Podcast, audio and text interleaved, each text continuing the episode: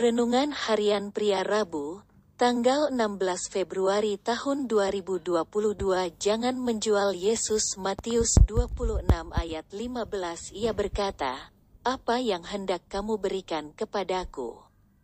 Supaya aku menyerahkan dia kepada kamu, mereka membayar 30 uang perak kepadanya. Yudas Iskariot adalah murid Yesus yang menjual Yesus dengan 30 keping uang perak kepada para imam dan tua-tua Yahudi. Yang menarik di sini adalah mencari tahu apa alasannya Yudas yang setiap hari bersama-sama dengan Yesus bisa menjual Yesus. Memang ada beberapa penafsiran tentang alasan Yudas menjual Yesus. Pertama, karena fokus Yudas dalam mengikuti Yesus adalah karena uang. Yohanes menulis dalam Yohanes 12 ayat 6 bahwa Yudas suka mencuri uang dalam kas yang dipegangnya. Kedua, mungkin Yudas kecewa karena Yesus bukan sebagai Mesias menurut pandangannya yang dapat membebaskan bangsanya dari jajahan Romawi dan ia membuat rencana agar melalui penangkapan Yesus oleh para tua-tua Yahudi dapat membuat Yesus menunjukkan kuasanya untuk melawan. Apa pun alasan-alasan dari Yudas yang akhirnya menjual Yesus dapat menjadi pembelajaran bagi Anda dan saya.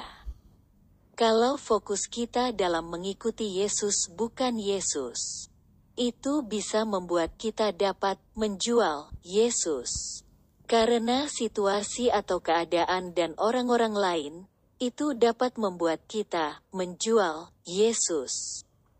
Dan jika kita izinkan kekecewaan dalam bentuk apa pun, jika kita tidak hati-hati, maka itu akan membawa kita kepada menjual Yesus. Jadi, fokus kita dalam mengikuti Yesus harus Yesus sendiri dan bukan yang lainnya. Dan kita harus menjaga hati kita dari segala bentuk kekecewaan. Karena kekecewaan dengan alasan apa pun dapat membuat kita menjual Yesus. Refleksi diri, apa yang firman Tuhan katakan kepada Anda? Bagaimana kehidupan Anda dengan firman Tuhan itu? Catat komitmen Anda terhadap firman Tuhan itu. Doakan komitmen Anda itu Pengakuan imanku. Fokus saya dalam mengikuti Yesus adalah Yesus sendiri dan saya menjaga hati saya dengan benar.